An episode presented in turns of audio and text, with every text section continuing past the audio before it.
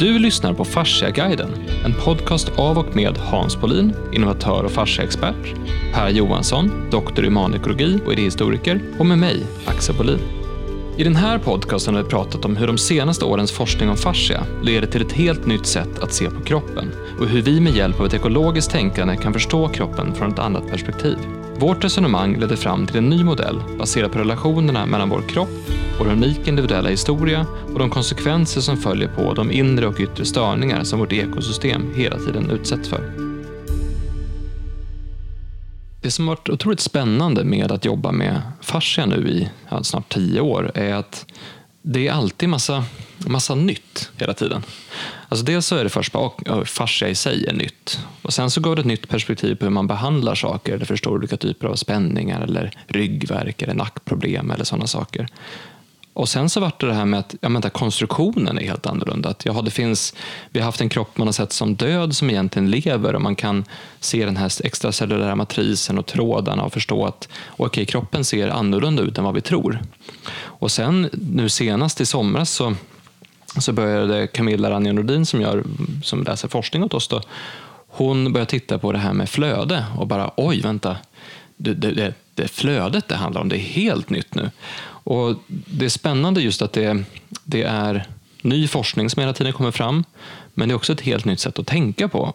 Och att se att förstå allting som en helhet, eller förstå allting som levande, eller förstå allting som att det ständigt förändras, att det är under utveckling. Och Det är utmanande att tänka så.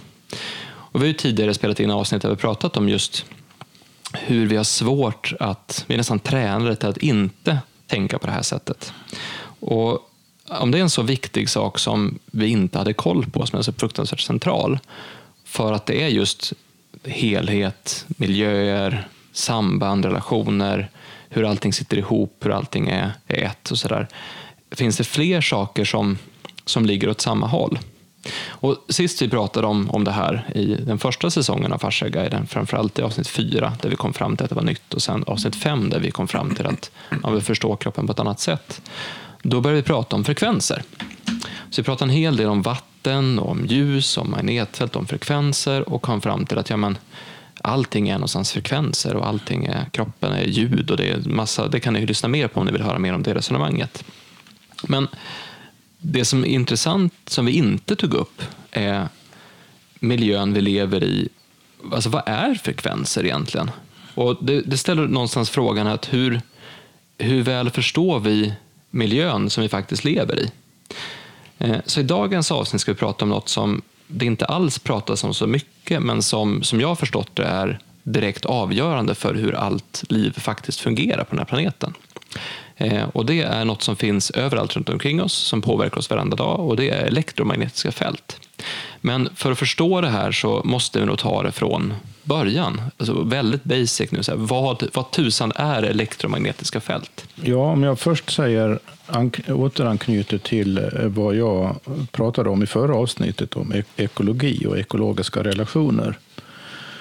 Eh, så sa jag att för att förstå kroppen som en sorts eget ekosystem inom ramen för ett större ekosystem bland alla andra levande organismer och överhuvudtaget den generella miljön. Allt, allt från väder till klimat och så vidare. Eh, ett ekologiskt tankesätt innebär att man tänker på allting i termer av relationer. Och relationerna i sig är alltså det som bygger upp eh, det ekologiska, de ekologiska sammanhangen som vi ingår i.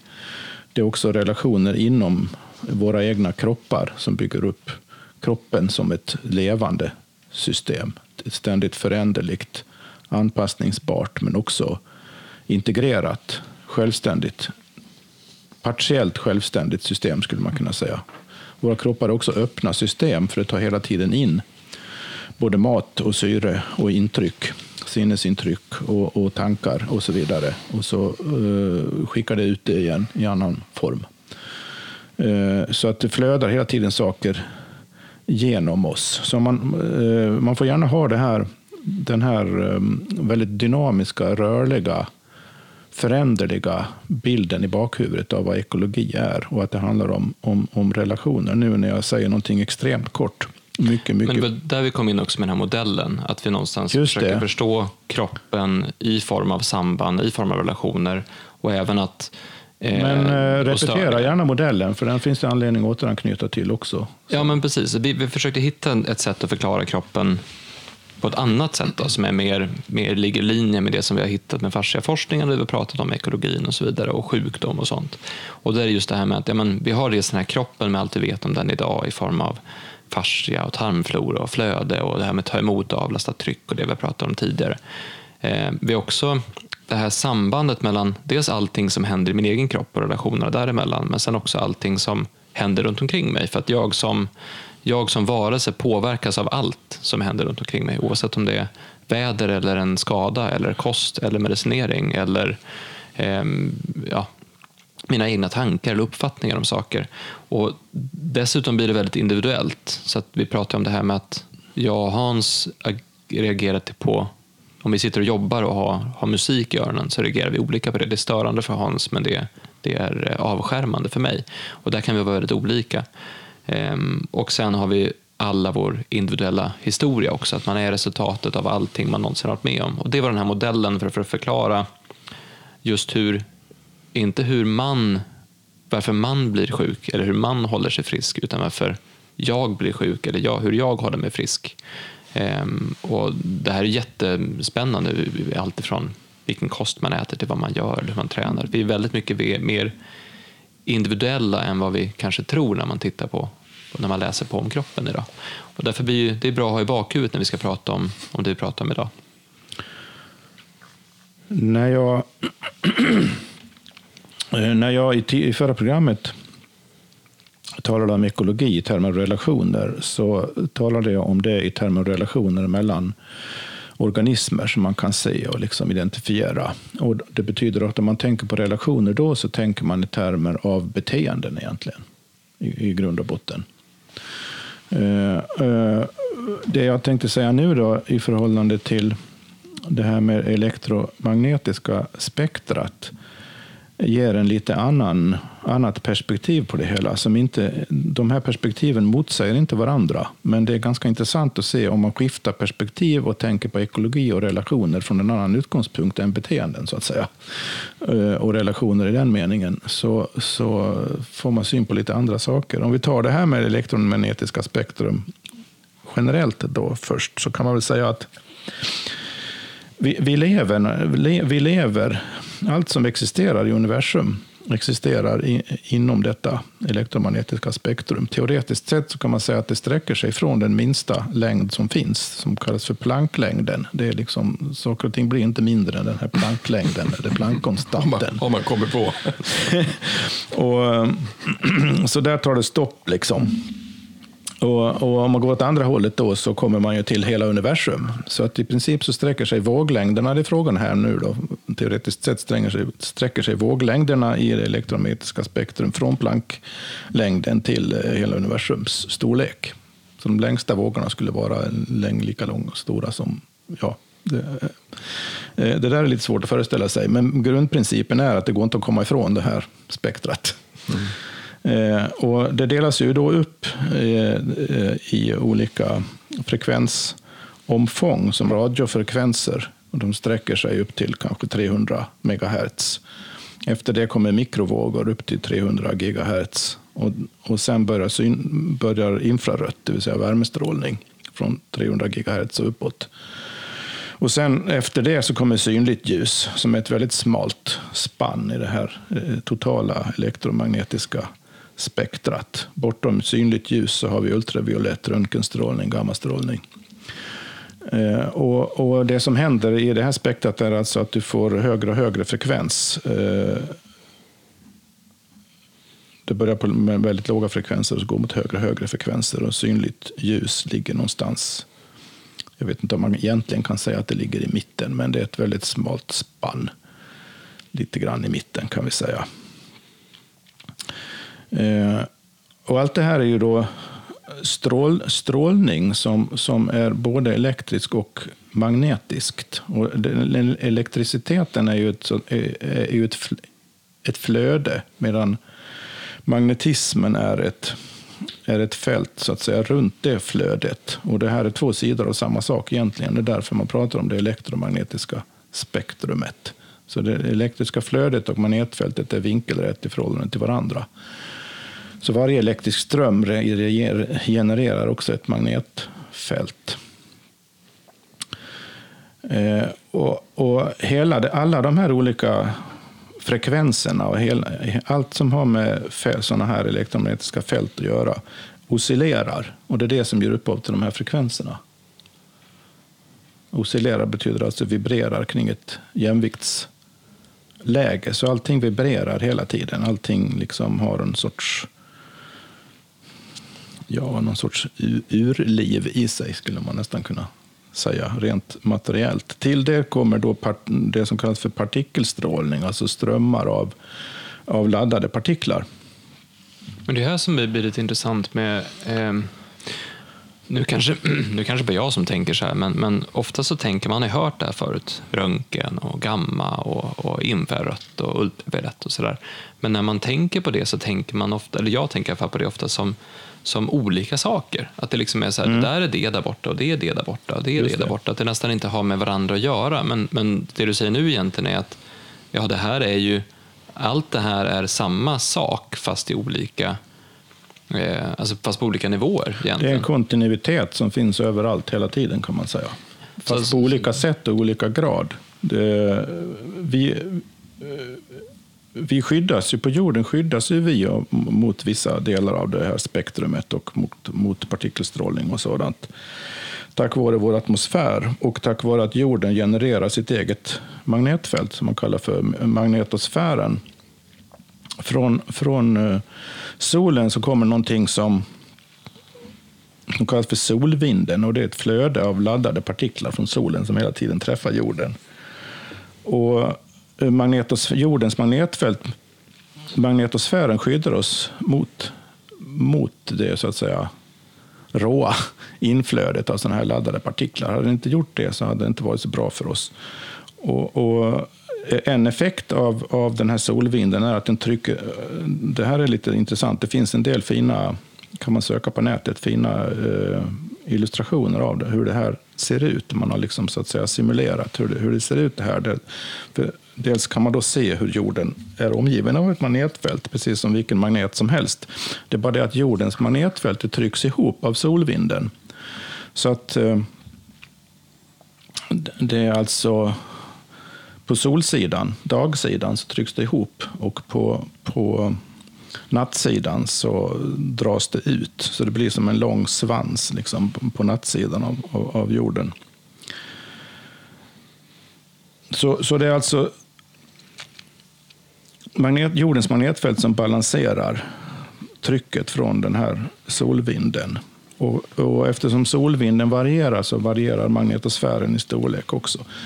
Eh, det här säger jag inte nu då bara för att säga att jaha, det här var väl kul fakta, utan för att man ska börja få, få någon sorts generell bild av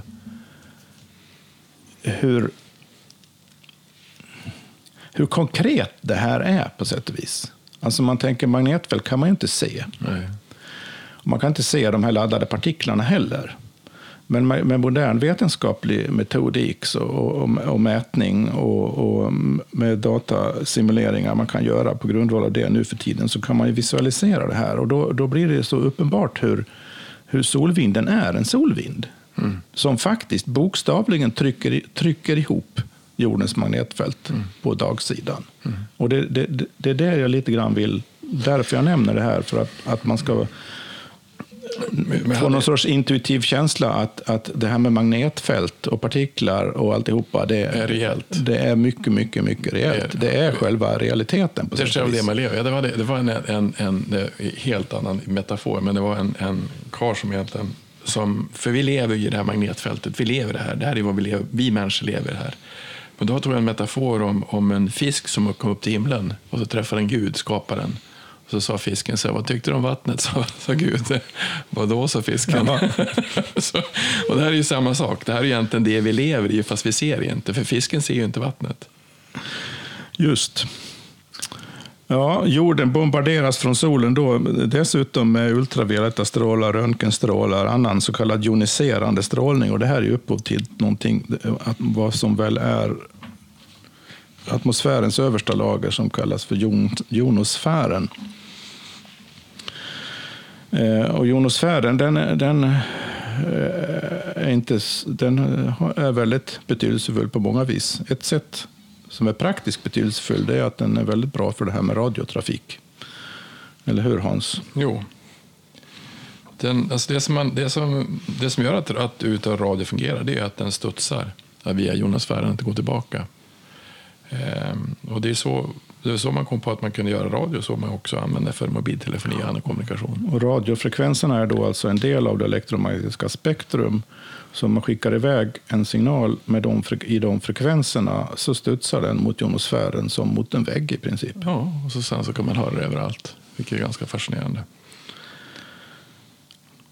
Så vi, vi lever verkligen bokstavligen i en elektromagnetisk värld och allting är inlämnat i detta och lo, livet på jorden är, är eh, anpassat eh, till de här förhållandena. Och inte bara anpassat, utan varje organism genererar själv sitt eget elektromagnetiska fält dessutom, som hela tiden relaterar till dels den här generella elektromagnetiska miljön, men också till elektro, de elektromagnetiska fälten som alla de andra levande organismerna genererar.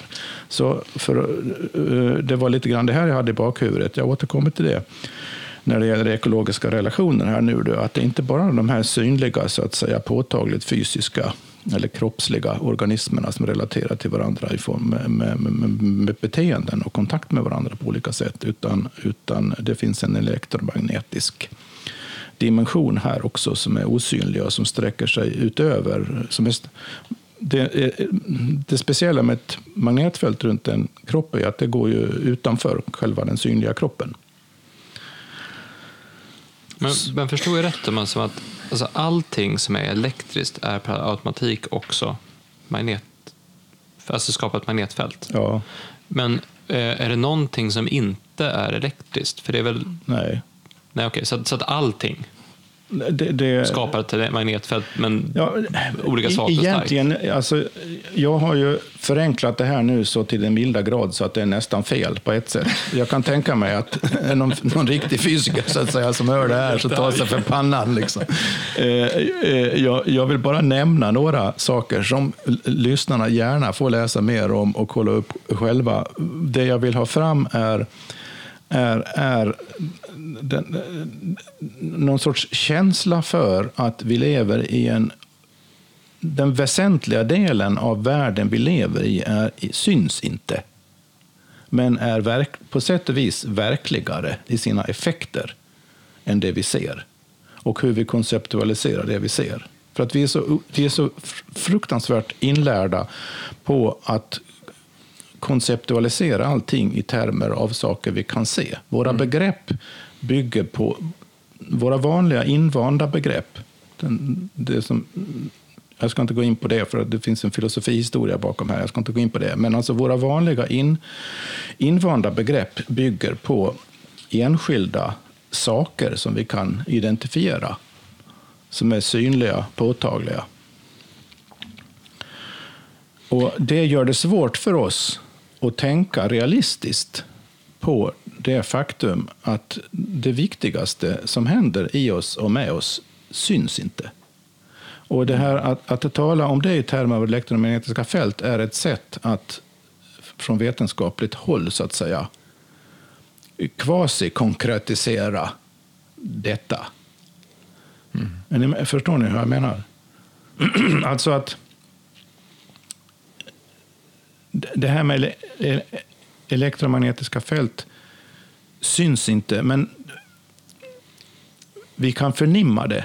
Och det, det är också intressant. Vi, eh, alla våra förnimmelser bygger ju grundförnimmelser vi har i kroppen och i relation till saker har ju sin grund i detta. Anledningen till att om jag, om jag lägger min hand på bordet här nu, som jag, vi sitter vid, mm. så känns ju det hårt motstånd mot min hand. Jag kan inte köra handen genom bordet. Det beror, det beror på att molekylerna atomerna i min hand och molekylatomerna i bordet svänger egentligen i samma frekvens. Så, så det, det är den elektromagnetiska realiteten und, bakom, eller under eller i allting som gör att saker känns fasta. Mm. Så man skulle egentligen behöva lite, lite fantasi nu, alltså, ja. eller inte fantasi utan lite föreställningshjälp för ja. att kunna förstå. Eh, vi har ju pratat om tidigare den här modellen med hur man kan förstå, väldigt konkret bygga sig en bild av sitt magnetfält. Det här med att, jag tyckte i alla fall var en väldigt bra förklaring när jag fick det, att eh, du har järn i blodet. Och eftersom att alla, alla förstår någonstans att metall eh, nu, allt skapar magnetiska fält, men metall är så tydligt att det finns en magnetism i metall. Alltså alla har ju lekt med magnet på, mm. i skolan någon gång. Mm. Och sådär.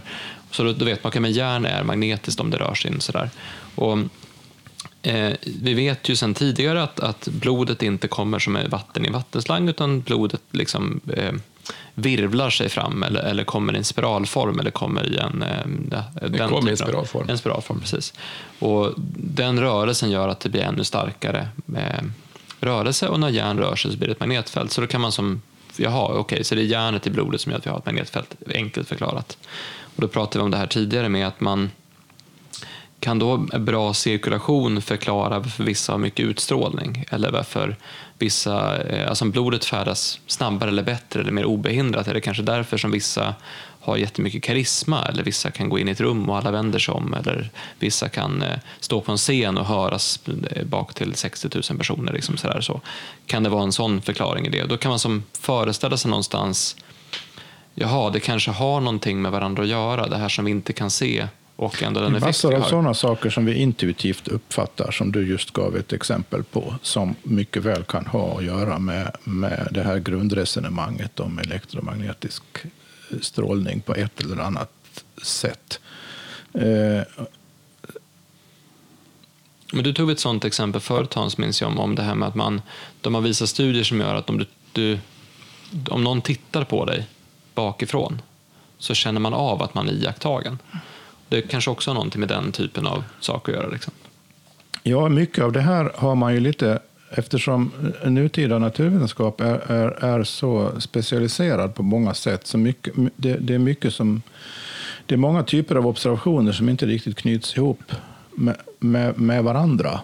Det fanns, apropå det där med att no, när någon tittar på en bakifrån så känner man i nacken att det är någon som gör det.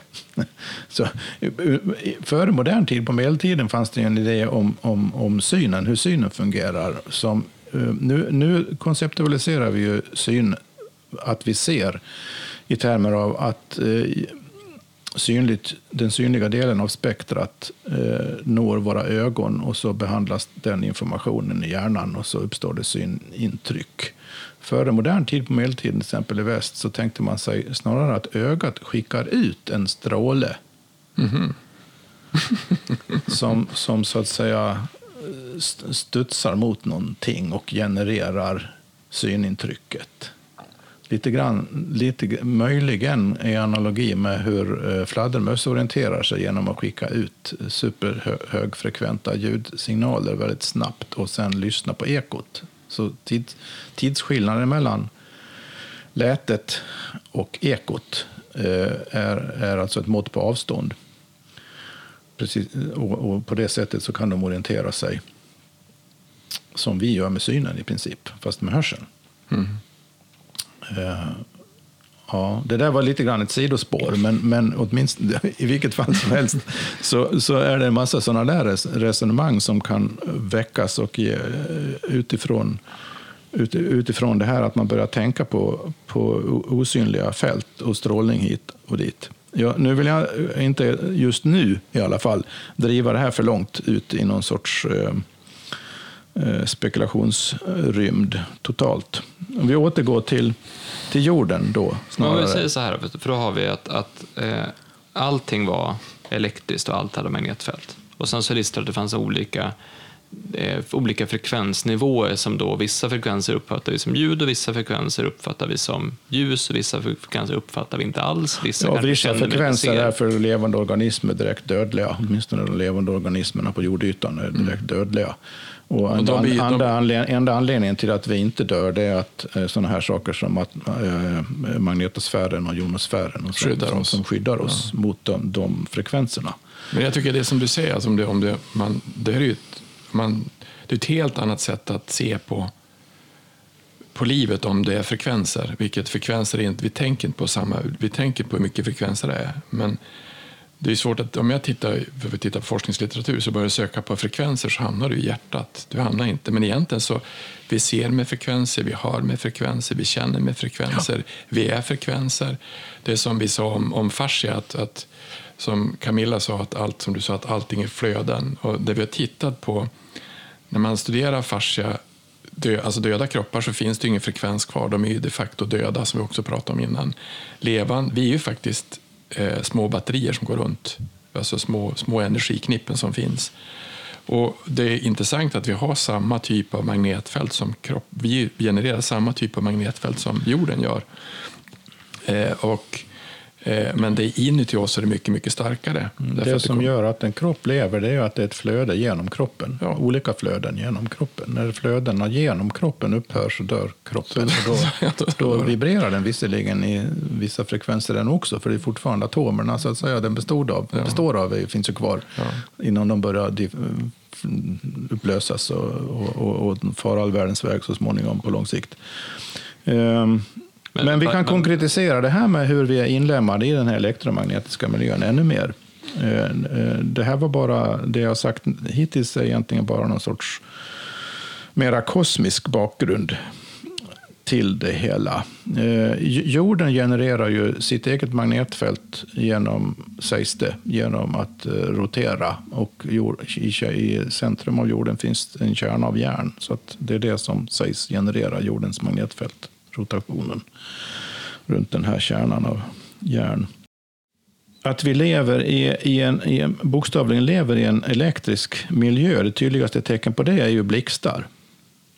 Och det här med blixtarna är intressant. Åskväder, de, de uppstår av urladdningar mellan jonosfären och jordytan. Potentialen, potentialen mellan jonosfären och jordytan ligger på ungefär 300 000 volt.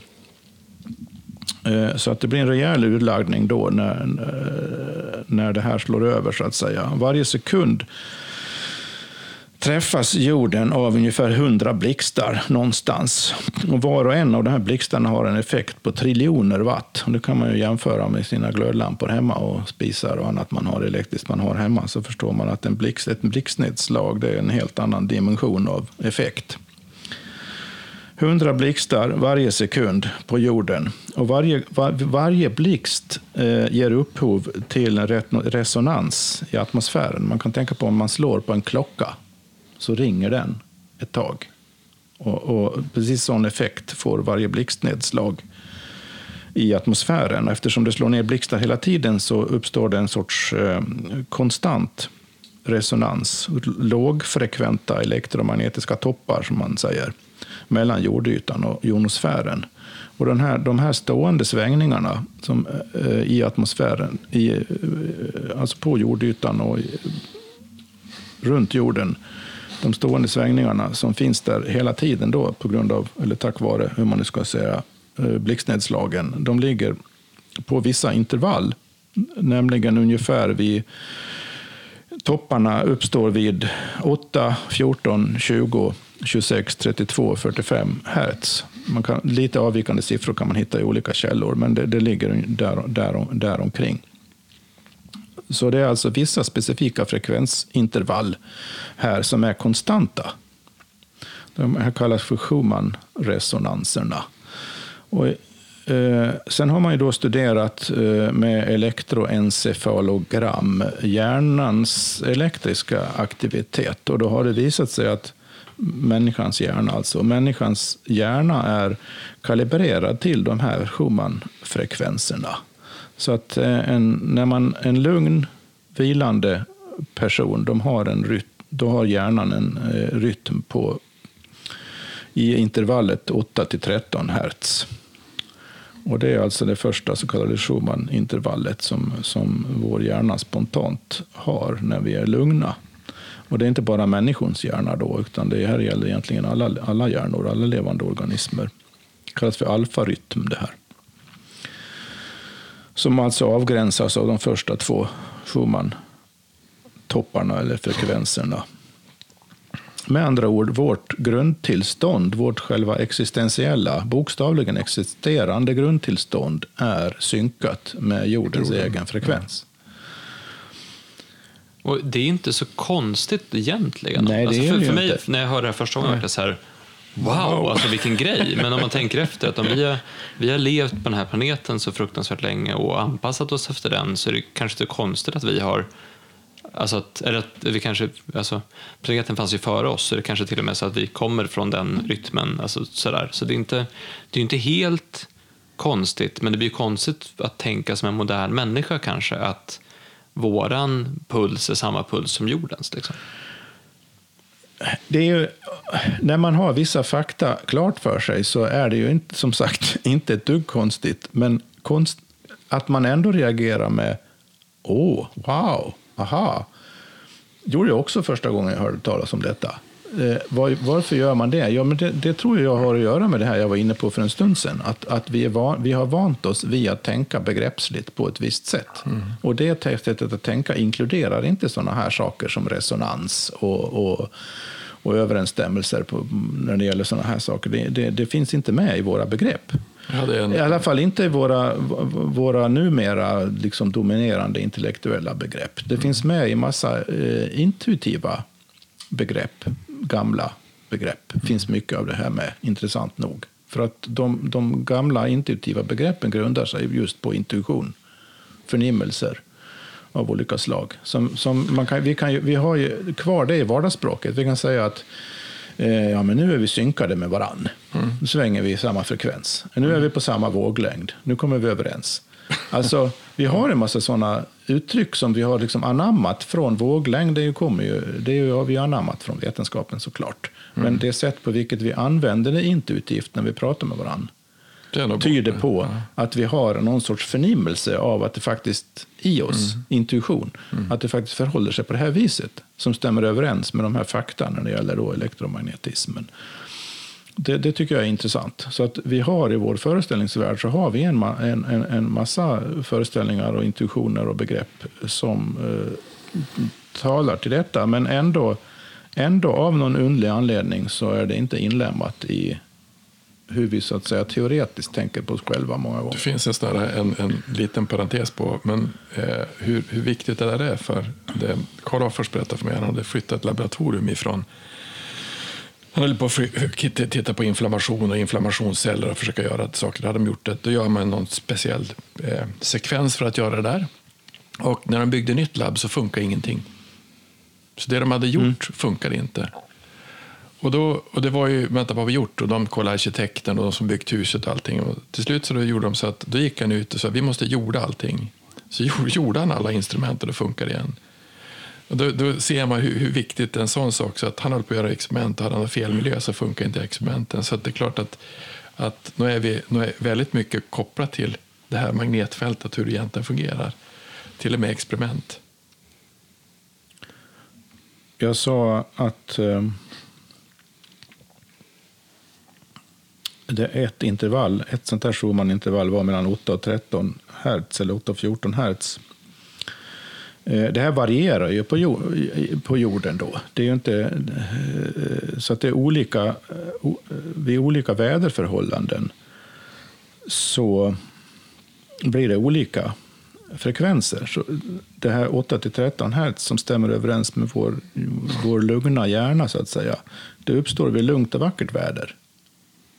Så på de ställen där det är lugnt och vackert väder, som vi säger, så, så, det vill säga inte åskstormar och sånt, det, det, eller oroligt väder, eller stormigt, eller, eller plötsliga övergångar från hög till lågtryck och tvärtom.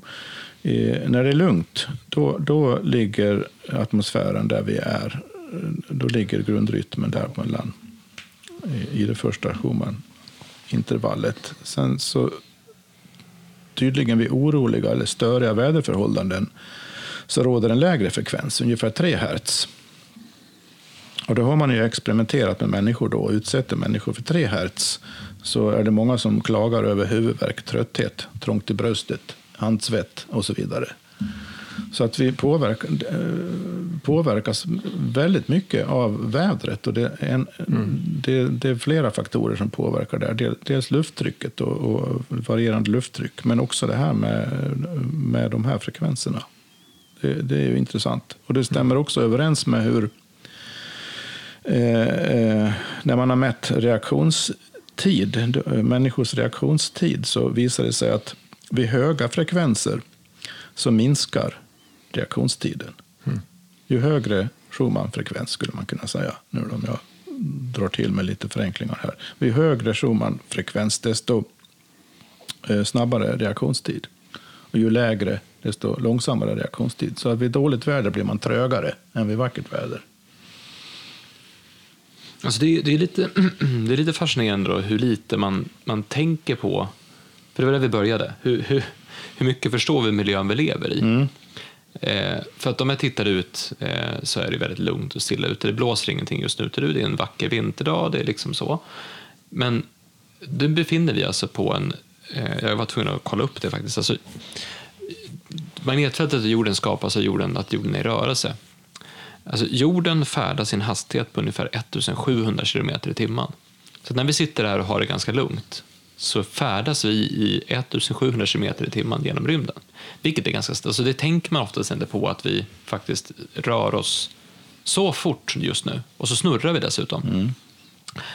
Jaha, och så sen... tivoli eh, egentligen. Ja, det- Ett riktigt tivoli. Och så som du sa, att det, det är konstant blixtnedslag. Alltså just nu så Mm. står en blixt ner någonstans. Så att det är en atmosfär som är otroligt laddad hela tiden också.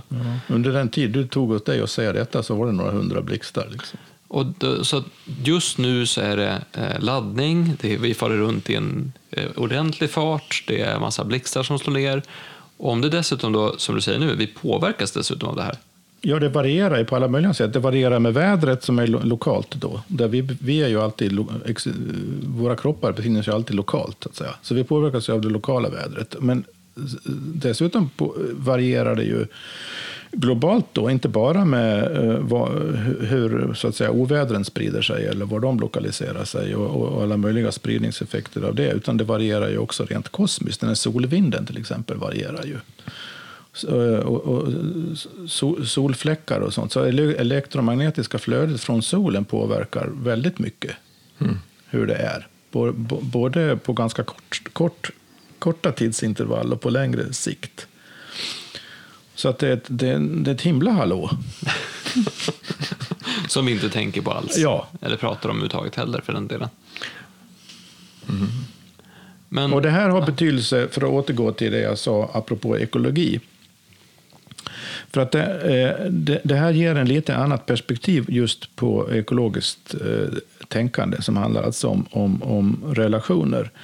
För att eftersom vi själva då både är och lever i elektromagnetiska fält och alla de här elektromagnetiska fälten, både de här stora, stora eh, enorma skeendena som liksom har med solen och jorden att göra. Men vi lever ju också då i vårt eget magnetfält och alla, alla vi relaterar tills magnetfält och alla levande varelsers magnetfält. Alltihopa, livet självt är ju, är ju så att säga eh, eh,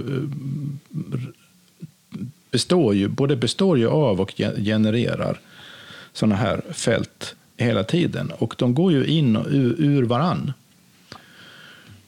smittar magnetfält? Alltså jag menar om, om vi Ja, på sätt och du är- vis. Alltså, de ja. smittar i den meningen att, att, eh, att de, de, de påverkar varandra. Som jag... eh, Som, som, Om vi säger, vi Man- säger att jag är harmonisk här, jag sitter i den här eh, 8 till 13. Ja. Men ni två sitter i eh, 3 till 10 säger Ja. vi. Kommer det påverka min, mitt magnetfält? Liksom? ja, vi påverkar ju varandra. Ja. Så din, din frekvens påverkar oss lugnande. Jag tror Våra man- frekvenser jag- jag tror- påverkar dig oroande. Jag tror de till och med gjort experiment på, det, stora experiment på att man har man har, det gjorde man på 90-talet. Man har mediterat i USA. Alltså jag tror man mediterade kärlek, alltså lugn. Och brottsligheten gick ner. Så att vi, vi, vi påverkar inte bara, eftersom vi är med i allting, så vi påverkar även den miljö vi är i. Så vi kan ju, vi kan ju skapa elände, vi kan minska elände. Alltså, du skickade faktiskt ett klipp till mig. Som, vi kan lägga ut det som länk till den här. För vi, vi, jag kan för lite om det för att prata om det för mycket. Men det, de visade ett eh, du vet, Heart Math Institute. De har gjort forskning just på hjärtat. Och då hade de tagit upp att eh, de har mätt hjärtfrekvensen på folk. Och så, under lång tid. Och sen Ja, har de sett att den har gått... Hjärtfrekvensen relaterar ju också det här till det här såklart. Mm. Jo, men den har också gått ihop med, jag tror att det var, nej det var jo, jordens frekvens som hade gått ihop med eh, när det vart eh, krig eller revolutioner eller stora händelser. Så att, alltså, Så vi påverkar jordens magnetfält Ja, och jorden påverkar oss. Alltså det var, det var någon sån här, det, vi kan, jag kan skicka den, för det var väldigt intressant, eh, bara som en sån här annan, annan perspektiv på det. Så jag kan lägga upp den som länk till avsnittet. Men om vi säger så här, vad... Det här, det här är ju tydligen jätteviktigt då, alltså om man ska förstå kroppen, att förstå frekvenser kanske. Ja, Men- och även i relation till, till fascia. Om fascia är, flö, eh, är flö, flödar. Alltså fascia leder elektricitet också väl? Ja, det gör det. Ja. Det är klart det gör. det gör det. Så, så fasciafunktionen måste ju också på något sätt, som jag inte har en aning om, som kanske inte ens är utforskat, måste ju relatera till det här också på något sätt. Alltså varenda liten kollagentråd i den här strukturen, alltså hela är, ligger liksom vätska på. Grundsubstansen, den här vätskan i extracellulära matrisen ligger runt det här också. Så att hela, eh, hela extracellulära matrisen är elektrisk. Hela, alltså det är så nervsystemet, det vi pratade om tidigare, att nerv, eh, nervsignalerna går inte genom synapserna utan de hoppar emellan genom att de använder det elektro- elektromagnetiska fältet. Det är därför går så fort kommunikation i fascia. Men vatten, vatten, vatten lagrar energi och vatten är en dipol. Och vatten, vi består av 70 procent vatten. Mm. Så att det är klart att vatten, det, det är klart att det finns, att det påverkar, att det finns, påverkar fascian eftersom det är flödet Ja, som finns i precis, fascian. Så det precis. är, Men så, så vi, alltså, vi har anpassat oss i ganska många år efter den ska man säga, ursprungliga elektriska miljön. Och vi är också själva elektriska varelser. exakt, vi är elektriska varelser. Han, det, det som han skriver, den här killen, eh, Ulle Kvanke, han säger att det som är intressant är att den elektriska, elektromagnetiska fältet som finns ute, alltså i jorden, vi är, inuti oss är det 10 000 gånger starkare. Inuti oss, så vi är, vi är energiknippen som går runt. Alltså, som, Vi är faktiskt Mm. Ja, det är energiknippen. Ja. Vi är, det är en annan metafor för att visa vad vi är för någonting. Allt som lever är, är både summan av allt liv är ett sånt här gigantiskt energiknippe och Så- varje enskild levande varelse är ett större eller mindre energiknippe. Så jag, höll på, jag höll på med but- butiksdata för jättemånga år sedan och då, det är inget som. Men, men det man var tvungen att göra, som inte så många tänker på egentligen, men i Sverige när vi får väldigt kallt och väldigt torrt så kan vi dra på, dra på oss enorma laddningar. Så det, det finns ju tanter som kommer i pälsar, de, bara, de sköt, ju, de sköt ju hela kassasystemet. Ja, Boing, ja, bara, poff, funkar inte längre. Och jag har aldrig tänkt på det, för jag har aldrig varit i den branschen överhuvudtaget. Men det var jätteviktigt att man gjorde allting som fanns. Och man hade eh, reservaggregat. För kom det för många sådana här så kunde man skjuta och du, du hade ingen utgångskassa, ingenting fungerade. Så eh, vi, vi kan ladda på oss ganska mycket ström. Eller eller elektromagnetisk ström. Sen finns det ju en, en, eh, man måste ju lägga till någonting här nu då i den här historien. För det, det, det vi har pratat om hittills här nu då, det är i termer av den, vad man skulle kunna kalla den ursprungliga eller naturgivna elektromagnetiska miljön. Eh, nu finns det ju en massa andra, massa artificiellt genererad elektricitet och elektromagnetism, elektromagnetiska fält Och el. numera. El säger vi. El, typ. Och inte bara det, utan radiovågor och, och, och, och så vidare. Och, och trådlös, trådlösa nätverk av olika slag, mobilnätverk, wifi. Allt det där, det, det är ju en, en typ, genererar ju, summan av allt det genererar ju en elektrisk eller elektromagnetisk miljö som är, är helt artificiell och som inte har funnits på jorden tidigare överhuvudtaget. Och det, det, redan på 1700-talet när man först verkligen började studera det här med elektricitet, då var det liksom en ny wow, elektricitet. Och så började man förklara allting i termer av elektricitet. Och, intressant nog då på 1700-1800-talet så mm, grundades en hel del, eh, man skulle kunna säga helhetsteorier, helhetsfilosofier på det här med den ny, nyligen uppmärksammade elektriciteten och magnetismens egenskaper. Och det, här, det blev bara mer och mer av sånt allt eftersom man förstod förstod eh, det här bättre och bättre under 1800-talet med James Clerk Maxwell till exempel och hans, hans ekvationer som bildade grunden för den moderna eh, fysikaliska förståelsen av det här. Eh, och man använde eh, elektricitet för att det är så typiskt på något sätt. Man kan känna igen det från vår tid med andra saker. Man tyckte oh, men det här det är elektricitet och det påverkar oss på olika sätt. Man kan man säkert bota sjukdomar med det. så man hittade på alla möjliga apparater liksom, när man skulle sitta i en stol och bli elektriskt laddad på olika sätt. Och vissa menar att det där, det där botade vissa sjukdomar. Och det där. Men, men man upptäckte också då att en del blev sjuka av det där. Och sen när man började då elektrifiera städerna så nådde ju det en, en, en, högre och högre nivå. Det där. De första som höll på och arbetade med elektricitet och drog ledningar och så där, många av dem drabbades av egendomliga åkommor som var, läkarna inte förstod sig på. Och som man snabbt kom fram till faktiskt hade med själva att utsätta sig för eh, artificiell elektricitet för mycket kunde man bli sjuk av. Eh, det var inte alla som blev sjuka, men eh, rätt många. Och, och, det är också någonting som har så att säga hållit sig.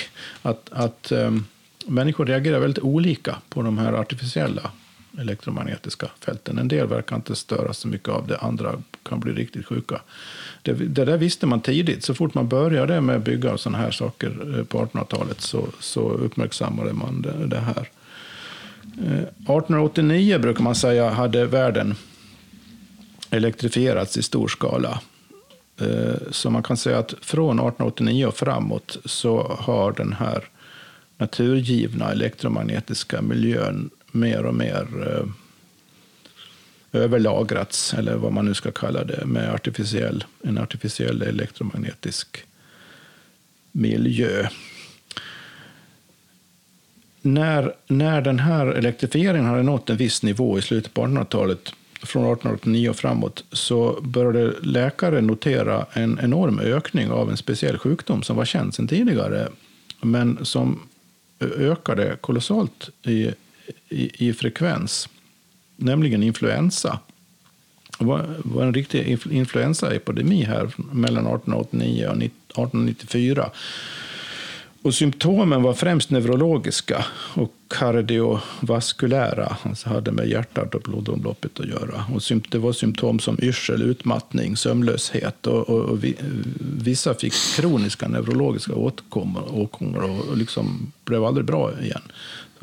Alla möjliga märkliga eh, symptom som, som eh, betecknades som influensa Djur reagerar likadant. Hästar och kor och hundar och sånt reagerade också. Och man kunde konstatera att den här influensan var inte smittsam heller. Så att vissa, vissa på ett ställe kunde drabbas, men andra blev inte ett dugg sjuka på samma ställe. Alltså samma hushåll eller samma plats.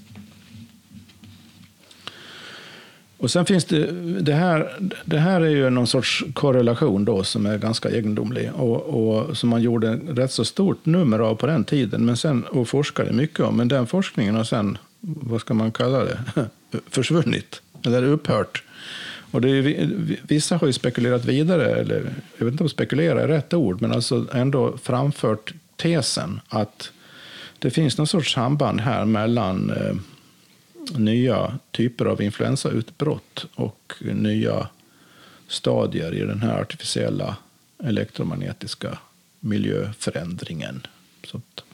Det som är lite intressant som du säger, det, det, för jag slog, slog upp, det här är ju det här är någonting som, är, som vi konstaterat, jordens, alltså den här miljön som vi lever i, både hur, hur fort vi färdas och vilken, hur jonosfären ser ut och vilket skydd vi har och solvind och allt möjligt. Det är ju det är ju rejält och det är ganska stora, ganska stora, eh, ganska stora naturfenomen som händer som vi, som vi förmodligen har ändrat ganska mycket på, på med industrialismen, det vi har gjort, mm. både med det som, på det som du är inne på nu. Men det som vi inte, för jag satt på, om man tittar då på det som vi har pratat mycket om nu, ska vi inte prata om det i det här programmet överhuvudtaget, men Det man tittar på mycket det är ju koldioxid säger man är farligt för, för naturen, för jorden. Vet du hur mycket koldioxid det finns i atmosfären jämfört med det vi pratar om? koldioxid är ju inte farligt. Koldioxid är ju mat för alla växter. Jo, men det är, vi, vi, ser, vi ser att vi har för mycket koldioxid, det som skapar väx, eller vad heter det, eh, växthuseffekten. Vet du hur mycket koldioxid det finns i atmosfären? Nej, inte på rak arm. 400 ppm. Mm. Det är alltså parts per million. Och, och om man då tittar Nu på, då, menar nu, du Nu, alltså? alltså Ja, nu okej. som finns. Just det. Mm. Men jag vet inte hur mycket som ska finnas här. Men det är alltså parts per million. Men det vi pratar om nu här, som vi pratar om elektromagnetiska fält, det är otroligt rejält. Och där har vi förändrat mycket, mycket mer egentligen än vad vi gjort med industrialismen på alltså med utsläpp. Det, fast det är ett annat Ja, perspektiv. Ja, ja, det är ett annat perspektiv. Och att vi, att vi inte uppmärksammar detta eller att man knappt får tänka på det här överhuvudtaget, det, det, det har väl delvis att göra med, med svårigheten att tänka på det också. För man vet, vad, vad- ska man göra med sån här information? Dels är det ju lite störande för, med tanke på vårt beroende av elektricitet och, och, och mobiler och wifi och allt. Och allting. Vi är ju så beroende av det så att det är störande att ens prata om att det skulle kunna ha några negativa effekter bara för det, för att vi kan inte göra oss av med det här vi har.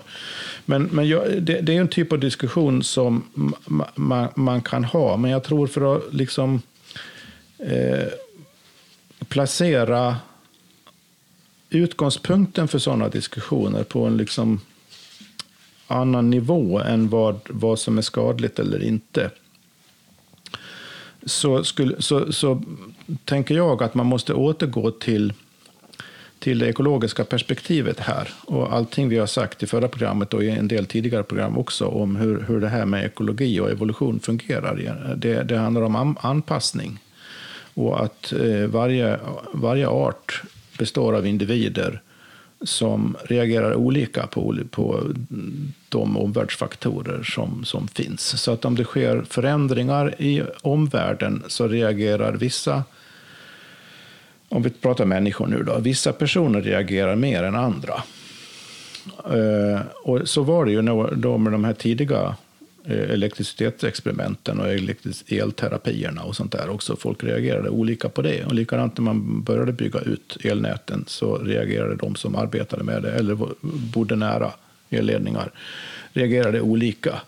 Så att det, är inte någon, det, det är inte någon sorts generell, det verkar inte vara någon generell skadlig på det sättet omedelbart påtaglig. Men vissa blir dåliga.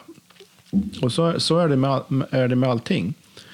Och, och, det, och, och det här med influensan, det är ju rätt så slående. Och det är vissa som har tagit en sån iakttagelse och liksom sprungit iväg med den åt olika håll.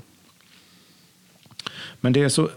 Det, nu, det jag säger nu är inget argument, i och för sig inget argument mot att det här skulle kunna ha en väldigt stor påverkan på saker och ting. Men det är en, ett konstaterande som man måste ha med sig, som har att göra med att det är väldigt mycket man inte förstår här än. Vad, vad, vad är orsak och verkan? Vad är förhållandet mellan... Man, man brukar ju förknippa influensa med virus till exempel. Vad, vad, är, vad är förhållandet mellan virus och i, i det här perspektivet? Vad är förhållandet mellan virus och kro- hur kroppen fungerar och, och, och, och, elektromagnetiska fält och så vidare? För att allt det här relaterar ju till varandra på sätt som man egentligen vet väldigt lite om. Men sen om du Så, tar den här... så jag, jag skulle vara, personligen skulle jag vara försiktig med att dra och liksom bara hoppa från den ena konstaterandet till det andra. Men du ska få fylla i strax här nu, Hans, med, med vad, vad som är känt när det gäller hur olika andra levande organismer reagerar på det här. Jag tänkte det är bra att ha den här, den här bilden av ekologin med sig in i det. För vi pratade ju i avsnitt två, och jag tror vi repeterade i något annat avsnitt också, om, om den här, eh, när vi pratade om ekologi, om den här eh, skogen där det fanns en massa olika arter, en massa olika växter och det var en ganska synkat ekosystem. Och sen så eh, skövlar man den här skogen för att bygga en åker. Och då har du en åker med med en viss antal mångfald av arter och viss antal mångfald av system. Och då pratar vi om just vikten av mångfald i ett system när det kommer kraftiga störningar. eh, vi säger att det blir eh, varmt ett år eller att det kommer kraftiga regn och väder och då, eller att det händer någonting med klimatet och något sånt där. Och då det, finns det många arter eh, och många variationer av arterna så kommer fler att, alltså även om hälften försvinner så finns det Mm, om det finns 500 arter och hälften försvinner finns det 250 kvar.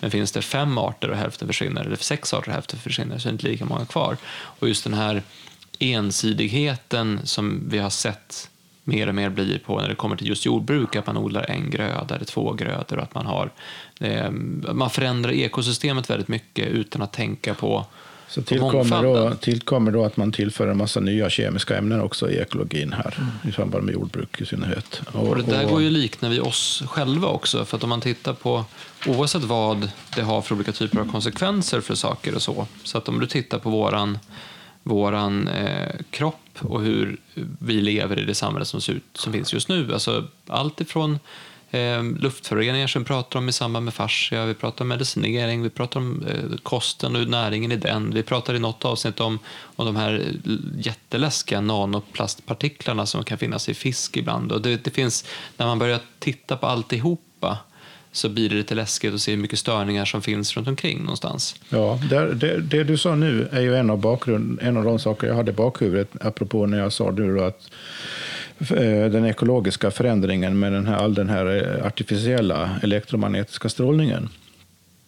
Det är ju, det är ju en, från, från fältsynpunkt, så att säga, i en elektromagnetisk fältsynpunkt, så är det ju en väldigt stor ekologisk förändring som har skett och pågår.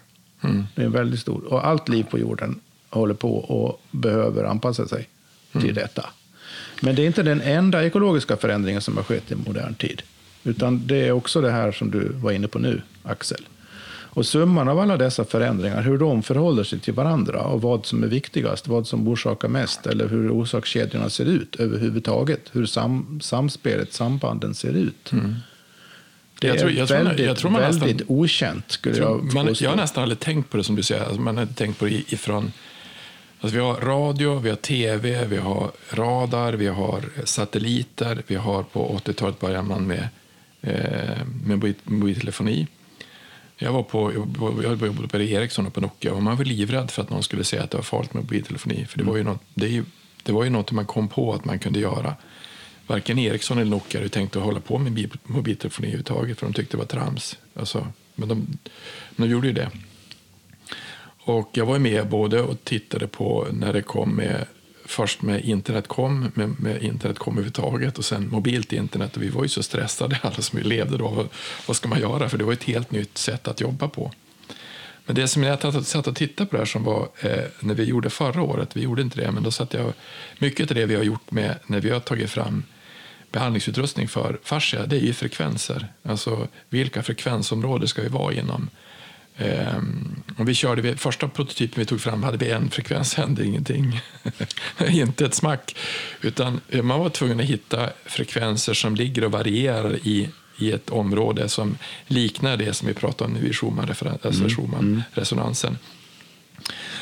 Och eh, när jag läste, det som var det som man kan se också effekten av både behandlingar, det är hur mycket, hur mycket kroppen är i vibration, hur mycket den, vad, vad som händer för någonting.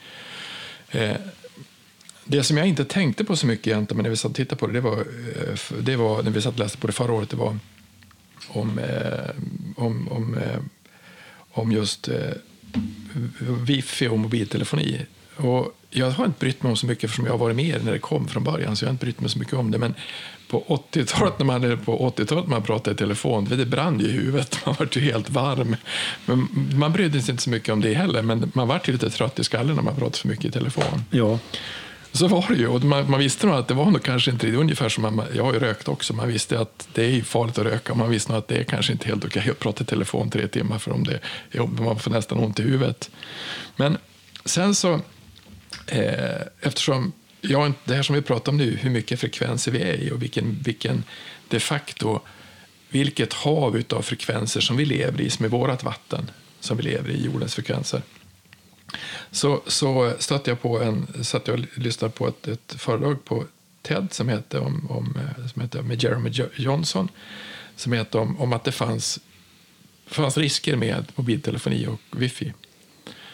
Och det, det visste jag ju om, det, var inte, det tänkte jag ju ja, sådär. Men, men sen så hittade jag en annan dokumentär som handlar om att bin försvinner. Och då har man haft något som heter det, the colony, eh, alltså kollaps av bin. Och det är ganska mycket. Alltså det var det här, det, när jag hittade den så jag fick tag i en artikel. Alltså det, alltså det, det har försvunnit 50 procent av bin i Nordamerika. Och då säger man bin är inte så farligt, men bin, bin, bin är ju otroligt viktigt för hela vårt samhälle och allt det, för de pollinerar saker och ting. Och där i alla fall, så då, då eh, stötte jag på en, en eh, då ringde jag till den, eller skrev till Jeremy Johnson och eh, har du någon mer artikel, finns det någon som har skrivit någonting om bin? Och då fick jag tag i en, en artikel som, som handlar om bin och hur de berörs av den miljö och hur, hur intelligenta, alltså vilken intelligens som finns i varelser som är fåglar och insekter för att de lever i den här miljön. Och de lever av de, de, de, kan, de, kan, de kan se andra frekvenser än vi gör, de tar in andra frekvenser än vi gör. De har, bin har kroppar som skapar magnetfält. De, har, bin, bin har, de skapar vibrationer som gör saker och ting. Och jag hade ingen aning om det överhuvudtaget, att det var så. Men det otäcka egentligen, som man, och det, det, jag försökte till och med ringa till, till tv och en massa saker till. Om, om, om, då man, om, det här var gjort, den här rapporten som jag gjorde, den är på 48 sidor, den är skriven 2010. Och det man visste då var att då gjorde man experiment med att stoppa telefoner alltså vid bisamhällen och de hittade inte hem. Och den här karln som har skrivit den här heter Ulrik Wanke. Ulrik Wanke träffade jag samma år, 2019, för att han, vi håller på att titta på att utveckla ett pulserande magnetfält för att läka, hjälpa hästar att läka och också för oss att läka. För det som en sak som, som Carl trodde, han sa att, det sa han att Arfors då, han sa att förmodligen alla sjukhus på, på fem år de har, de har pulserande magnetfält i sjuksängarna. Därför att magnetfält hjälper oss att läka. Och då kan det vara så att, tänk om det är så att vi har fått för mycket andra vågor som finns som stör jordens magnetfält och ett sätt att läka. För det som han menar, i alla fall på den här som är skriven nu, det, är på det, det har försvunnit småfåglar och det har försvunnit bin. Och det som är lite märkligt med det där det är att när man bara tittar på hur mycket, det är otroligt mycket forskning som är gjort på det där. Det finns en karl som heter, eh, det har du också tittat på Per, mycket forskning som är gjort på, på ja. 5G ja, eller på mobiltelefoni. Men varför pratar man inte om det? Det är kanske det som vi har gjort nu. Varför kan man inte prata om sådana saker som är... För det, finns en kille som heter Martin Pahl. Han har gjort 2300 vetenskapliga artiklar som handlar om det här. Och det som visar som det kanske är mest farligt för det är för, som det var precis som du sa med, med, med eh, elektriciteten det kommer, att det vissa är mer känsliga. Och det verkar som barn är mer känsliga än, än vuxna. Eh, alltså jag minns ju när du började prata lite grann om det här för det var ett år sedan ungefär, eller ett och ett halvt kanske. Eh, jag tyckte det var jättejobbigt. Därför att jag har ju byggt upp mycket av mitt, eh, mitt liv kring eh, smartphones, kring digital marknadsföring, kring att sitta framför datorn, kring att vara uppkopplad. Eh, jättemycket av livet är ju någonstans online idag. Och om det skulle vara farligt. Alltså, jag tyckte det var fantastiskt när jag, hade, när jag skaffade iPhone första gången och hade internet i fickan. Och, och, och så pratade de om att det fanns någon som visade att ja, men, eh, det kanske är farligt, alltså, det kanske inte är så bra för min förmåga att, vara, eh, att få barn ifall jag har en telefon i fickan för nära eh, min pung. Liksom, så här. Det, det, var, det är jätteskrämmande att höra sådana saker. Så att någonstans då så då tog jag in det här och lyssnade på det du sa och tittade på det, det du sa. Men sen så la jag det i någon låda där och så stängde jag igen den lådan. Och sen gick jag tillbaka till mitt vanliga liv och tänkte på att ja, men nu ligger jag här med telefonen i sängen. Vissa sådana här saker är ju det är lite jobbigt om det skulle vara så, för då kanske man måste göra om allting och det kanske man inte är beredd att göra. Men det som är intressant är från fascia perspektiv så ser man att fascia är allt. Det är stress, det, är, alltså det tar emot allting som vi, som vi är. Det är våran, jag tror jag sa det till någon som jag träffade från början när jag ska försöka beskriva vad fascia var för någonting. Så att det är vår kommunikationsgrid. det är det som vi går runt i. Det är vår kostym som tar emot allting. Och om det här påverkar om det här påverkar vårt liv så är det ju kanske intressant att titta utifrån det perspektivet. Om det är så att eh, det, är många, det kan ju bero på många olika saker, men eh, alltså ADHD tror inte jag fanns när jag växte upp. Jag, jag kanske hade, någon kanske hade, inte vet jag. Men, vet jag kanske hade, men det var ju inte, det var inte alltså, men det är ju jättemånga som, det är jättemånga som koncentrationsproblem som finns idag. Och, och kan det bero på att man, kan det här störa livet på ett sånt sätt? Eh, så jag tror frekvenser är intressant att titta på, och, men också det som, var, som han kom fram med, med eh, den här Ulrik Wankan och forskar mycket på vad bin gör för någonting. Det är att de berörs av allting. De berörs av hela vädret, miljön och inte bara frekvenserna som... som alltså, det är inte att, då säger man att ja, men, de här eh, mikroågerna de är utanför frekvensen som, som till exempel jordens magnetfält är. Men bin använder bara jordens magnetfält och, och, och kommunicerar med. De använder hela atmosfären. Eh, så de tar ju in om det blir dåligt väder och då får du en högre frekvens i, i atmosfären. Och vi är ju en atmosfär, vi att, att atmosfären var 300 000 volt. Vi är en ganska laddad miljö som vi åker runt ja, i. Det är potentialen då mellan jonosfären och markytan. Ja, så, så det är klart att, att, att, att, att fåglar och bin använder hela strukturen. Det är klart att om den påverkas av en massa andra saker så det är klart att det blir en rörig miljö. Och de kanske inte, alla kanske inte har lärt sig vara i den miljön. Men just det, du hade det här med att när tsunamin kom så var det inga vilda djur som dog. Så de tog sig undan från farozonen inför att den skulle komma. Så det kanske också är, tänk om det är så att man har slagit ut djurens förmåga att kunna skydda sig mot... Alltså då, om, om, om vi säger att en fågel känner av att det kommer bli ett väderomslag med massa blixtar och laddad luft och oväder och vind och så då, då kanske de planerar att inte flyga den dagen. För att flyger de den dagen skulle de dö. Så de kanske har en naturlig instinkt att inte ge sig ut och flyga i ett Det extremt får oväder. man räkna med. Det här med tsunamin, det, det har ju förmodligen att göra med att eh, de större, större, det är väl de större djuren man har iakttagit och drar sig upp till på högre höjd eh, i god tid så att säga. De, de har ju förmodligen känt av eh, infraljud. Alltså, alltså för våra vanliga hörsel inte hörbara frekvenser eh, från jordbävningen som orsakar Ja, eller på det som Tsunamin. leder upp till jordbävningen kanske till och med. Att Ja, det, känna att det är något som håller på att hända. Ja, visst, men alltså på något sätt har de ju känt av någon fysisk signal Mm. som, som, som, som eh, kanske till och med är inprogrammerad genetiskt. Att, eh, eller också en spontan intuitiv reaktion bara. Att här, Mm. nu, eh, nu blir det oväder. Nu, blir det, nu här kommer det hända någonting. Nu drar vi oss upp till högre höjd. Ehm, Men vad- vi, vad vi pratar om här nu då från ekologisk synpunkt är egentligen anpassningsförmåga. Och det, det, det, är, det är så att säga en rörlig variabel. För att när en, först, när, när en kraftig miljöförändring först uppträder så påverkar den väldigt mycket. Och de som är känsliga för den här miljöförändringen, de, de antingen försvinner eller försvagas. När, när, om, om, om miljön fortsätter att, så att säga, vara på samma sätt så kommer de som eh, klarar av det och anpassa sig mer och mer. Och det gäller, både, det gäller alla levande organismer egentligen. Så att den, den, den viktiga frågan är hur vilka som på lång sikt klarar av att, så att säga, kompensera för och anpassa sig och utveckla nya mekanismer som tar hänsyn till de här nya förhållandena.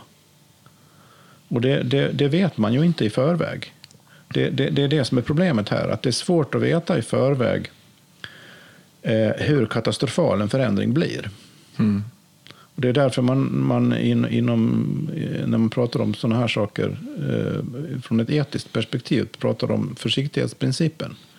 Att om man, om man inte känner till de långsiktiga effekterna av någon kraft, stor förä, större förändring som man vill införa teknologiskt till exempel så borde man tillämpa försiktighetsprincipen.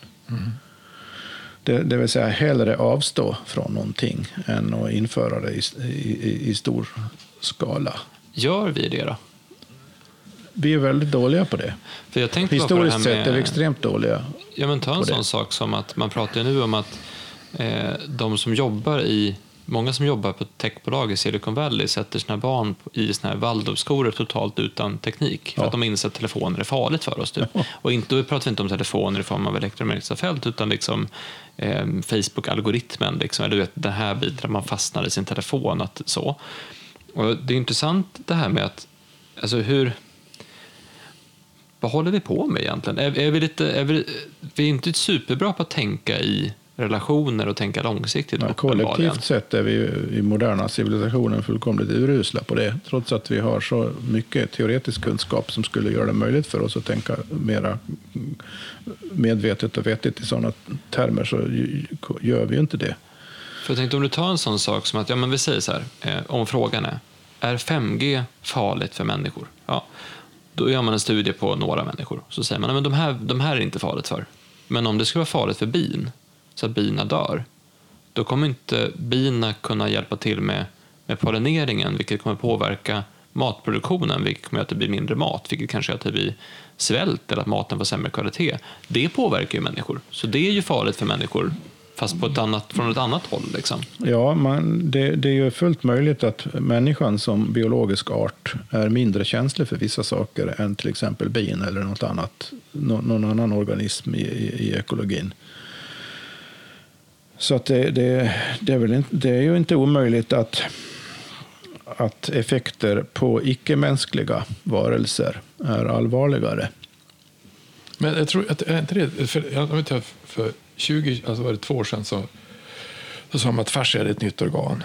Det är allt. Så definitionen på fascia, det, är, det finns ingen, det är egentligen vårt universum. Det är, det är, den, den extracellulära matrisen, och så finns det celler, för cellerna är också fascia. Så egentligen är vi fascia. Och som vi pratade om i ett program så sa vi att om man ska titta vad kroppen egentligen är för någonting så är det magnetfält, sol, vad sa vi, vatten och vad var det mer vi sa? Om man tittar på ett annat perspektiv. Om man tittar på vad som är förutsättningar för liv så Ja, är det, så är det ljus, sol. vatten, magnetfält. Ja. Och tar, du, Gravitation. tar, tar, du, tar du vatten och stoppar det i 7,83 hertz, då bildas DNA. Så frekvenser är kanske något helt annorlunda än vad vi har tittat på. Ja. Om, då, om, då, om då det här som är, som menar att om, om vi har nu att kroppen är eh, den är en, vi har ett magnetfält som liknar, det finns mycket som liknar mikro och makro. Till och med att vi påverkar det vi tänker kanske, där vi på, vi, jorden och hur vi tänker påverkar varann. Men vad, det som jag tycker är lite intressant, vad, vad, hur, du sa en gång att fascia kan, alltså vetenskapsparadigmet som finns, eh, varför är det svårt att ta in, för det här är egentligen, det här är egentligen fysik. Det här är ju, alltså det här är ju biologiska system som, som, som påverkas av en massa frekvenser. Och vi vet ju att vissa frekvenser inte är okej och vissa frekvenser är okej. Men, men det är ju ett annat, det, är en hel, det här är ju ett, ett sätt att titta på hela jorden. Vad är, vad är det som händer på jorden? Hur påverkas? Vad, och det, här, det som jag menar som var med, med bin, att de dör ut. Det, alltså det, det, det, det var ju... Och det, det fortsätter ju, alltså kolonikollaps alltså på utav, utav bin, det är, ju, det är ju allvarligt i farligt. Men varför kan man inte varför kan det inte komma fram? Varför får man inte prata om det? För det, gör det, alltså, vi, Ja, pratar, vi pratar om nu, Om, det, om, vi pratar, om, vi, om, om vi pratar trådlös eh, överföring av data, som det ju handlar om här nu då, Ja. främst i den diskussionen, eh, så, så finns det två anledningar till att, eh, att det är lite obekvämt. Det ena är ju det Axel var inne på, alltså rent livsstilsmässigt och, och, och, och inte bara från någon sorts ytlig livsstilssynpunkt utan från faktiskt för, försörjningssynpunkt också för många. Och, och vi har gjort oss för beroende av, av den här tekniken. Ju. Så att det, på det rent personliga planet för väldigt många människor så är, är, är det väldigt obekvämt att, tänka kritiskt på detta. Lite som med oljan egentligen. Ja, ja, ja visst, det är väldigt jämförbart. Och, det, och en annan sak som är lika jämförbar det är, ju att, är, är att det finns oerhört eh, st- starka ekonomiska intressen som är, är eh, med biljo- biljoner Ja. kronor eller dollar investerade i, i, i de här teknikerna, precis som det finns i olja också. De är, ju- de är naturligtvis ganska ointresserade från, från strikt ekonomisk synpunkt. Ja, det, man, man pratar om att världens ganska... viktigaste bolag är eh, Amazon, Google, Facebook. Ja, jag är inte så jätteintresserade av kritik mot teknikgrunden för vad de håller på med. Så att det, där, det, det är ju nästan banala konstaterande på ett sätt. Men det är väl, i den mänskliga världen, det mänskliga samhället, så är det där viktiga och stora faktorer som inte går att komma runt. Eh, jag tänkte på den där frågan, är 5G farligt? Vad, vad är farligt? Vad betyder att någonting är farligt? Det, vår, vår spontana, spontana liksom association som moderna eh, förment rationella människor är ju att ja, men eh, orsakar det cancer mm. eller eh, får det, har det någon annan liksom sån rent fysiologisk effekt? Men om, om, man, om man tänker i lite andra banor här nu då om, och tar hänsyn till det här med som, som jag sa, att eh, lugnt väder, lugnt sinne, 8 14 hertz, mm. samklang med jordens grundrytm. Det där är elektromagnetiska fenomen vi pratar om här. Mm. Finns det någon aspekt av den här trådlösa strålningsmiljön, artificiella strålningsmiljön, som påverkar oss i det avseendet? Alltså påverkar vårt medvetande, vår koncentrationsförmåga, vår, vår förmåga, eh, vår intuitiva förmåga. Till och med vår så att säga, andlighet i någon sorts ganska eh, materiell mening här. Det, det, det, det, är väl väldigt sannolikt ja, att det, har en sån påverkan. Ja, och, och det är det som är, det som är intressant som du sa. Det, är, det, har ju det. Det har visat sig att det skapar koncentrationsproblem, det skapar problem med minne, det är problem med reproduktion som Axel sa. Och en massa olika saker med huvudvärk och massa olika Men det som är intressant är att det är helt nytt. Det har aldrig funnits på jorden. Vi har funnits på jorden i miljoner år, eller miljarder år. Men vi har aldrig varit med om det där. Vi har varit med om 8 till 13 hertz. vi har aldrig varit med om Rent sakligt kan man ju bara helt krasst konstatera att det här är ett gigantiskt globalt experiment som vi alla är delar av. Och, och, och, och, så är det, ja, så är det inte mer med det egentligen. Eller hur? Där försiktighetsprincipen inte tillämpas, uppenbart. Inte. Jag, jag pratade faktiskt med min frisör om det här för ett år sedan. Det var innan eh, pandemin kom och så vi, vi pratade mest om så här så. Och så sen så sa han att ja, det... Jag bara, tycker, har du märkt någon förändring de senaste eh, tio åren? Så här, för man, är man frisör träffar man mycket människor av olika sort. Han bara, ja men det känns som att folk är så lite allmänt mer stressade eller allmänt mer trötta privata? Är det allmänt mer liksom eh, inne i sin egen bubbla eller allmänt lite mer. Alltså det, det, det, det, är liksom, folk är inte riktigt på samma sätt idag som de var för tio år sedan, alltså bara i, allmänt, i allmänhet. Och det är ju liksom, det är ju en frisörs eh, alltså bild av hur saker är från ett sådär. Men, men det kan man fundera på själv om man tycker att, att det är annorlunda nu mot vad det var för tio år sedan. Bara hur folk är, vad folk är öppna för, eller vad folk pratar om, hur folk säger att de mår eller, eller sådana saker. Så det, ja. Det finns en variabel här nu då som man kan fundera på. Det är nämligen hur man egentligen genererar sitt eget elektromagnetiska fält här och vad det innebär och vad, vad, det, vad man skulle kunna... Om, om, finns det någon så att säga mänsklig personlig motsvarighet till jordens magnetfält här som håller, som håller solvinden i styr? Eller till jonosfären som filtrerar bort. Mm skadlig strålning. Skulle, finns det någon möjlighet att själv generera ett eget magnetfält som gör att man blir mindre mottaglig mot vissa frekvenser i den artificiella strålningen? Det här är ju rent spekulativt yttrande från min sida. Mm. Men det var det som jag tror att man, han menar, Karl, att man, man kanske måste göra, förstärka jordens, artificiella, jordens magnetfält. Så att vi, om det är så mycket strålning, alltså mycket annan eh, frekvenser finns så kanske man ska förstärka grundfrekvensen. Och det kan man ju faktiskt göra. Det var egentligen det jag höll på med med den här eh, Ulrik Wanke, att göra ett sånt magnetfält. Därför att det är väldigt bra för att hjälpa, ja, det är väldigt bra för att läka. Du kan läka benbrott mycket fortare. Det, det, det hjälper kroppens läkprocess.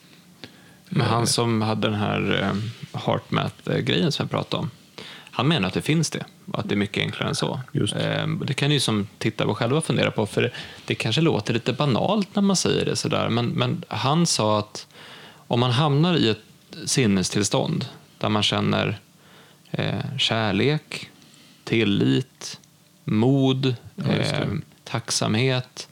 Eh, om, man, om man sätter sig själv i ett sånt tillstånd så att man känner så, då påverkar man inte bara sitt eget magnetfält utan de runt omkring en. Ja, och man då blir också eh, eh, mindre mottaglig för alla former av yttre negativ påverkan. Ja, visst. Man blir, du förbättrar immunförsvar till exempel. Ja. Och det låter ju lite så här bara, "Man, all you need is love liksom. Det blir, det blir väldigt som sådär, det kan bli lite hippie Men om kärlek är energi i någon väldigt påtaglig mening och inte något romantiskt dravel, Ja. då, då är det faktiskt inte, inte, inte så dum tanke. Jag, Ja. jag, tror, jag tror att det är det. Alltså jag tror att, eller inte tror, jag tror att det, det, det är så det är. Och det kan, alltså den frekvensen utav, om du kom, hamnar i en frekvens utav ren kärlek, då börjar de flesta gråta. Mm. Mm. Därför det är så starkt. Om det är det ljuset vi kommer ifrån, alltså nu säger jag bara för konstigt som det men det är ett ljus, det är en, det är en annan frekvens som gör att, att kroppen mår mycket, mycket bättre. Så den, Ja. ti- den dimensionen av tillvaron som jag verkligen tar på fullaste allvar och ser som helt reell, den dimensionen av tillvaron behöver också komma in i de här diskussionerna. Eh, vilket vi har fruktansvärt svårt för i vår kultur. Men, men där, har vi, där kan vi få avsluta med den då. För det var någonting som, som du sa för massvis med avsnitt sen och som jag verkligen har testat nu på olika workshops och eh, allt i form av företagande till kroppen till att förstå fascia. Att eh, vi i vår kultur är vi ganska hooked på den komplexa lösningen eller på det magiska systemet eller på den här superavancerade datorn eller processen eller hit och dit. Att vi liksom tror att, att lösningen måste vara teoretiskt komplex. Men det vi sa då var att bara för att någonting är enkelt i teorin betyder inte att det är enkelt i praktiken. Och, ja men okej, eh, kan det vara så lätt att man bara ska hamna i ett tillstånd av kärlek?